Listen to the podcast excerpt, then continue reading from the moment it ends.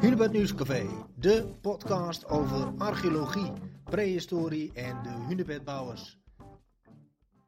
Vandaag spreek ik met onze archeologe Rinke Scharf over dateren. Hoe dateren archeologen? Rinke, ja, je hoort eh, erg vaak, eh, ja, dit dateert uit de 14e eeuw, dit dateert uit de ijzertijd of, of nog la- langer geleden. Ehm, dat, dat zijn woorden, dateren, die, die archeologen gebruiken. Ehm, ja, wat is dateren eigenlijk? Ja, nou ja, in, in essentie natuurlijk, je omschrijft ermee hoe oud iets is. Ja. Eh, maar achter dat woord, ja, daar gaat wel een, een, een methode schuil van hoe dat gedaan is. En eh, daar zijn, er zijn heel veel methoden om, om dingen te dateren. En, en archeologen gebruiken daar een, een handjevol eh van. Sommige zijn wat gangbaarder, sommige niet. Ja. En eh, ja, ik denk dat het, dat het leuk is om mensen af, wat te vertellen over hoe dat eigenlijk tot stand komt, dat getal. En eh, wat er Ja. verschil eh, in zit in de keuzes die gemaakt worden. Ja, want je haalt iets, je, je graaft iets op, je vindt iets en dan ga je, ja, dan ben je natuurlijk nieuwsgierig van hoe oud is het? Ehm, nou, je zei al, archeologen hebben een aantal methoden. Ehm, welke gebruiken ze zelf het vaakst? Eh, ik denk degene die ze het zelf kunnen uitvoeren, want Ja. daar zit, eh, er zit wel wat verschil in eh, complexiteit eigenlijk. En daar, dat hangt ook een beetje samen, is dat je hebt twee, ja, je kan het scharen onder twee grote groepen. Dat zijn de Mhm. relatieve en de absolute dateringsmethoden. En eh, de absolute dateringsmethoden, dat zijn echt waar, de, ja, voornamelijk met scheikundige apparaten. Ik zeg maar Heb je een laboratorium voor nodig? Eigenlijk meestal wel. En daar komt dan ook een exact, of best wel een exact getal uit. En eh, het geval met relatieve methode is dat we bijvoorbeeld, eh, nou, we weten hoe oud iets is. Aan de hand van wat we al weten, gaan we een nieuwe datering maken. Dus je Ja. bent afhankelijk van iets anders. Je vergelijkt als het ware. ja, ja. En, Mhm. maar goed, soms is dat voldoende. Dat is, hoeft helemaal geen probleem te zijn. Eh, maar daar wordt een beetje onderscheid in gemaakt. En eh, Mhm. ja, de, vooral de relatieve methode, dat doen de archeologen meestal zelf, denk ik. Ja. Ja, en eh, hoe ziet zo'n relatieve periode, eh, methode, moet ik zeggen, eruit? Eh, nou, bijvoorbeeld eh, we, de eerste methode die ik graag zou willen noemen is Ja. stratigrafie. Eh, onze bodem, dat, dat bestaat uit allemaal lagen. Dat is opgebouwd en dat zijn allemaal eh, verschillende afzettingslagen noemen we dat. Dus al die Mhm. lagen zijn verschillende perioden gevormd. Eh, nou, er zijn eh, geologen die kunnen hebben ja, dat in hun vakgebied zeg maar, bepaald hoe oud die lagen zijn, in welke periode en omstandigheden die zijn afgezet en hoeveel jaar geleden. Mhm. Ehm, ehm, en wanneer die aan het aardoppervlak lagen. Dus we weten, als we in die laag zitten, dan zitten we een bepaalde tijdsperiode. Van zo- zoveel duizend tot zoveel duizend jaar geleden bijvoorbeeld. Ja, en zo'n laag Ja. wordt dan een sediment genoemd, ook vaak in archeologische termen? Of, Eh, of- of is nee, nou, weer- sediment is zoals, ja, dat kun je natuurlijk ook in adreskundige termen, dat het een, een Ja. afzetting is. Ja, ja. Ehm, dus ik zou, ja, grondlaag. Een Dat is denk ik grondlaag. het meest duidelijk. Houden we ja. daarbij. Ja, Zeker. en die hebben Ja. allemaal eh, vaak net een iets ander kleurtje. Dus Mhm. je kan ze ook heel mooi, eh, en zeker als je wat ervaring hebt, kan je ze onderscheiden van elkaar. Eh, en archeologen gebruiken ja, die lagen. Dan kan je namelijk, zeker als je een opgraving hebt, kan je daar een profiel, noemen we dat, van afsteken. En zo laat je eigenlijk zien van, oké, wat we tot nu toe de diepte in hebben gegraven, welke aardlagen zijn wij allemaal tegengekomen. Ja. En ja, als je dus ziet van, oké, we zijn nu in deze grondlaag, dan gebruik je eigenlijk een ander ja, absolute, of tenminste een, andere waarde om daar een, eh, een datering aan te hechten als je iets vindt in een bepaalde grondlaag. Ja, precies. Helemaal helder. Dus als je iets uit een laag haalt, denk je, nou, dan zou het waarschijnlijk uit die tijd moeten komen. Ja, en dat is, gaat bijna altijd op. Mhm. maar er zijn natuurlijk ook nog, want het zijn wel een aantal ja, basisregels waar je met strategie eh van uitgaat. Ja. Maar er zijn ook wat uitzonderingen. En dat komt omdat eh, eh, ja, dieren en, en, en, en ja, fauna en, en natuur, zeg maar, die hebben Ja. daar nog wel eens invloed op. Mhm. Dus bijvoorbeeld ook vorstwerking, dat, dat kan. En, en, en de eb en vloed, kon- ja, dat, dat Ja. kan enorme. die kan het helemaal op zijn kop draaien soms zelfs. Dus, dus ook archeologen moeten dan wel de kennis hebben om ook dat te kunnen interpreteren en eh, eh, te zien waar dat aan ligt. Ja. Dus je hebt dus natuurlijke en ook eventueel onnatuurlijke verstoringen in de Ja. bodem, waardoor dat compleet eh, op zijn kop staat en eigenlijk niet meer Ja. leidend mag zijn. Nee, maar vaak Mhm. we, we weten in principe, het liefst zou je natuurlijk een heel mooi profiel hebben met Ja. allemaal mooie laagjes. Mhm. Maar over het algemeen, dit is de, ja, de meest makkelijke methode om ja, jouw opgraving te duiden waar je bent, in welke laag. Ja. Ja. En wat eh, kunnen archeologen nog meer zelf? Eh, nou ja, naast de stratigrafie Ja. hebben we nog eh, de typologieën. En Mhm. dat eh, is eigenlijk in dit geval een, ja, een, een soort kapstok van per materiaalgroep of, of, of per vorm. Want het Mhm. verschilt op wat voor categorie je dit wil, wil ordenen. Maar er zijn mensen die hebben ja, studies gedaan naar wat is de ontwikkeling van een soort, laat even voor dit voorbeeld nemen, soort vorm aardewerk. Ja. Er zit een ontwikkeling in. En vaak bijvoorbeeld als we naar de Trechterbeker eh, cultuur kijken, zien we bij bouwers, Ja. eh, die hebben hun hele eigen typerende aardewerk. Nou, Mhm. dat is ook waar hun cultuur naar vernoemd is, hun Trechterbeker aardewerk. Ja. Eh, maar binnen dat aardewerk zien we een soort ja, ontwikkeling. Die vormen veranderen. Het wordt vaak van simpeler naar complexer. En soms ook wel weer van het meest complexe naar toch weer wat verfijnder op een andere manier. Nou, daar zijn dan, ja, hoe noem je dat? Stapjes, om het zo te zeggen. In dit Ja. geval heet dat horizonten. Mhm. Er zijn verschillende horizonten aangebracht. En als je dus een bepaald soort aardewerk vindt, kan je dat dus dateren Ja. aan zo'n laagje uit die hele typologie. Oké, ja. Ja.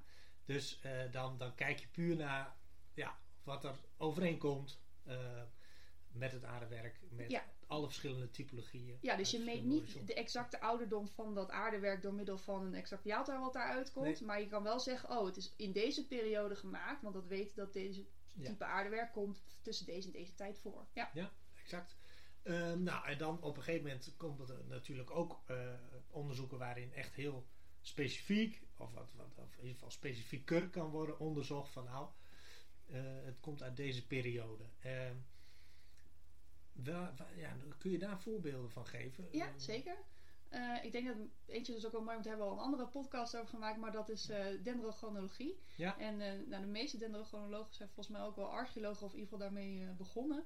Ehm, maar het is niet zo dat elke archeoloog eh, eh, een dendrochronoloog is, zeg maar. Nee, het, is, nee. het is wel echt een Specialistisch, specialistische, specialistische kennis. mhm. Ehm, maar het mooie aan, eh aan dendrochronologie is dat het, het levert wel echt erg, de, erg exacte dateringen op. Ja. En dat komt omdat je gebruik maakt dus van jaringen die in hout zitten. Mhm. En elk jaringpatroon is, is uniek. Dus je, je neemt eigenlijk een dwarsdoorsnede van je hout en dan ga je kijken van waar matcht dit in alle jaringpatronen die wij kennen. En we Ja. weten dat voor, ik weet niet, maar de langst kenmerk is, is meer dan 10.000 jaar geleden. Ja, dat is echt gigantisch. Ja. Ja. ik weet het verschil per boom en per, per regio hoeveel je, ver je terug kan dateren. Maar Mhm. eh, nou ja, dan kan je dus tot ongeveer 10.000 jaar geleden... zou je dus iets kunnen zeggen over hoe oud iets is van hout. Want dat is wel belangrijk, het kan alleen met hout. Ja. Ehm, en soms kan je dus echt tot het jaar nauwkeurig zeggen hoe oud het is... of welke, eh, soms in welk seizoen het is eh, gekapt. Want Mhm. dat is nog een ander ding. Je kan natuurlijk zien ja, wanneer het hout voor, eh, uit welke periode komt. Maar je kan niet zien wanneer het gebruikt is. Want als jij het eerder kapt en je laat het liggen of... eh, Oké, maar het- hoe lang het ook in gebruik is geweest, dat kan je allemaal niet zien. Nee. Maar goed, je komt wel heel erg dicht bij de periode waar het in gebruikt is. Dus Dus dat is wat, eh, wat het onderzoek naar jaringen ons, ons kan vertellen. Maar er zijn natuurlijk nog meer methoden. ja, ja want nou ja, hout is... eh, het lastige met archeologie is dat je vaak geen hout vindt. Nee, Eh, dat zouden zeker we hier heel in de graag... zandgrond niet. ja, dat zouden we heel graag willen, maar Mhm. Dat lukt niet altijd even goed. Nee. Ehm, dus ik denk de meest gebruikte dateringsmethode binnen archeologie is C14-datering. Mhm. En dat is ook wel koolstofdatering. En Ja. dat is ook meteen, dat, dan wordt het ook een stuk complexer, een stuk scheikundiger. Dit is niet iets wat archeologen zelf. Natuurlijk, er wordt besloten wat wil je dateren, maar Mhm. eh, dit is iets wat in principe wordt opgestuurd naar een eh, laboratorium. Ja. Eigenlijk alle eh, organische wezens, dus Mhm. dieren, planten, mensen, alles wat organisch is, die nemen koolstof op gedurende hun leven. Ja. Maar zodra dat doodgaat, of dus stopt met bestaan, stopt dat proces. En eh, er zijn eh, scheikundigen in de jaren, nou volgens mij is het de jaren 50 eh, van de vorige eeuw, die hebben toen bedacht dat, of die hebben gezien dat koolstof een halveringstijd heeft. En Mhm. op basis van, nou, dat, dat neemt dus steeds iets af gedurende zoveel duizenden jaren. Ja. Daar hebben zij ook een Nobelprijs voor gekregen, omdat het ontzettend veel impact heeft gehad. In ieder geval zeker weten bij archeologie, dat weet Ja, ik. natuurlijk. Ja. Ja, want je kan alles in één keer wel absoluut dateren, wat daarvoor niet kon. Ja. Ehm, maar uiteindelijk, op, op basis van die halveringstijd, kan je helemaal door gaan berekenen van hey, hoeveel koolstof zit er nog over en, en hoeveel, hoe lang duurt dat dan voordat dat, eh, die waarde overblijft. Ja, dus hoe lang geleden is eh, een wezen, welk wezen dat dan ook is, of, eh, gestorven? Ja, precies. En Mhm. eh, nou, dat, dat gebeurt steeds regelmatiger. En eh, het mooie is ook dat het gedurende jaren, want het, is, het is een ontwikkeling al van meer dan het is 70 jaar. Ja. eh, het is ook steeds goedkoper, betaalbaarder geworden. Dus het wordt steeds vaker toegepast. Dus we Ja. weten ook van steeds meer dingen de absolute waarde, hoe oud iets eigenlijk is. Ja. En dat levert het ontzettend mooie inzichten op. Ja. Ja, nou dat is natuurlijk een van de bekendste methoden inderdaad. Nou is er ook nog, nou zijn er nog wel meer methoden geloof ik hè? Ja, Ja. want eh, dat, dat heeft ook weer. eh, elke methode. Ja, dat heb ik niet helemaal verteld. Maar elke methode heeft dus eigenlijk ook zijn voordelen en nadelen. Ja. Ehm, dus er worden door archeologen ook afwegingen gemaakt welke methode je wil gebruiken. Soms Mhm. is het omdat ja, het materiaal is beperkt. Dus dan wat ik al zei, of de methode is beperkt. Omdat bijvoorbeeld dendrochronologie kan alleen met hout. Nou, als je Ja. hout niet hebt, houdt het op. Ehm, dus soms kies je voor het een of ander. Maar soms heeft het dus ook echt te maken met de kosten. Of het haalbaar is om iets eh, uit te voeren. Dat zijn keuzes die gemaakt worden. Ja. Ehm, in het geval dat je geen organisch materiaal, want hout is organisch, maar eh, nou ja, je, je hebt bijvoorbeeld ook wel eh, ja, aardewerk of eh steen. Ja, dat, dat, Mhm. dat is een stukje lastiger. En daar Ja. is wel een optie voor. En dat heet thermoluminescentie. Ontzettend eh mooi scrabblewoord. Ja. Dat kan niet eens op het balkje. Dat past haast denk ik eens. Ja, ja. Luminescentie, dat heeft iets met, met licht te maken denk ik. Ja, ik zou eh, de TL-datering is makkelijker eh, om Ah, het. Ja, de, de TL, dan, dan zien mensen nu ook zo'n TL-buis voor zich. Ja, ik. ja, dat is niet, niet. TL-licht, Nee, maar nee. het heeft wel met thermo staat voor warmte. Dus het heeft met warmte en het heeft ook met, met licht te maken. Mhm. En het idee is dat ehm, bepaalde, eh, want dit gebruik je voornamelijk op eh, veldspaat en eh granieten volgens mij. En ehm, Ja, het Mhm. idee is dat als je een, nou, dus wanneer zo'n veldspaat in contact komt met licht, Ja. zonlicht of met warmte, dan is er een soort van, ja, dan, dan heeft hij een nulwaarde. In dit geval, als dat bedekt wordt, dus er is geen contact meer met licht of met, eh, eh, met warmte, dan gaat, eh, dan gaat hij steeds meer energie opnemen. Mhm. Van de, de, nou ja, wat uit de bodem komt. Ik weet niet precies hoe dat zit. nee. Eh, nee. Maar als het dan weer eh, aan het licht zou komen, Ja. dan zendt hij als het ware dat licht uit. Nou, dat zie je niet als een lamp, maar dat kan je wel meten. Oké. En dat, eh, hoe langer dat opbouwt, hoe sterker dat signaal wordt. Mhm. En dat signaal kan je meten, en dan kunnen specialisten, want ook dit is niet iets wat archeologen eh, zomaar even doen. Nee. Eh, maar de- dan kan gemeten worden hoe oud ongeveer iets is. Dus ook weer op de basis van hoe veel zich daarvan heeft opgebouwd Ja. onder de grond, kun, kan men zeggen hoe lang dat er ligt. Ja, en het mooie aan deze methode is, want dat bij, bijvoorbeeld bij C14, ook daar zit een, be- een beperkt ja, een grens aan tot hoe ver dat kan. En volgens mij is dat iets van 60.000 jaar geleden, dus dat is echt wel al heel erg ver. Ja. Maar goed, stel je zou maar een hele oude Neandertalerfonds hebben, het kan, die nog Ja. ouder is dan, eh, dan 60.000 jaar. Eh, in dat geval eh, ja, moet je toch iets, dan zou thermoluminescentie kan wel zo, dat kan tot blijkbaar 200.000 jaar geleden, Ja, kan je iets dateren. Mhm. Ehm, ja, en het mooie is dat je dit dus doet op ja, materiaal. En dat kan ook, ook op zand.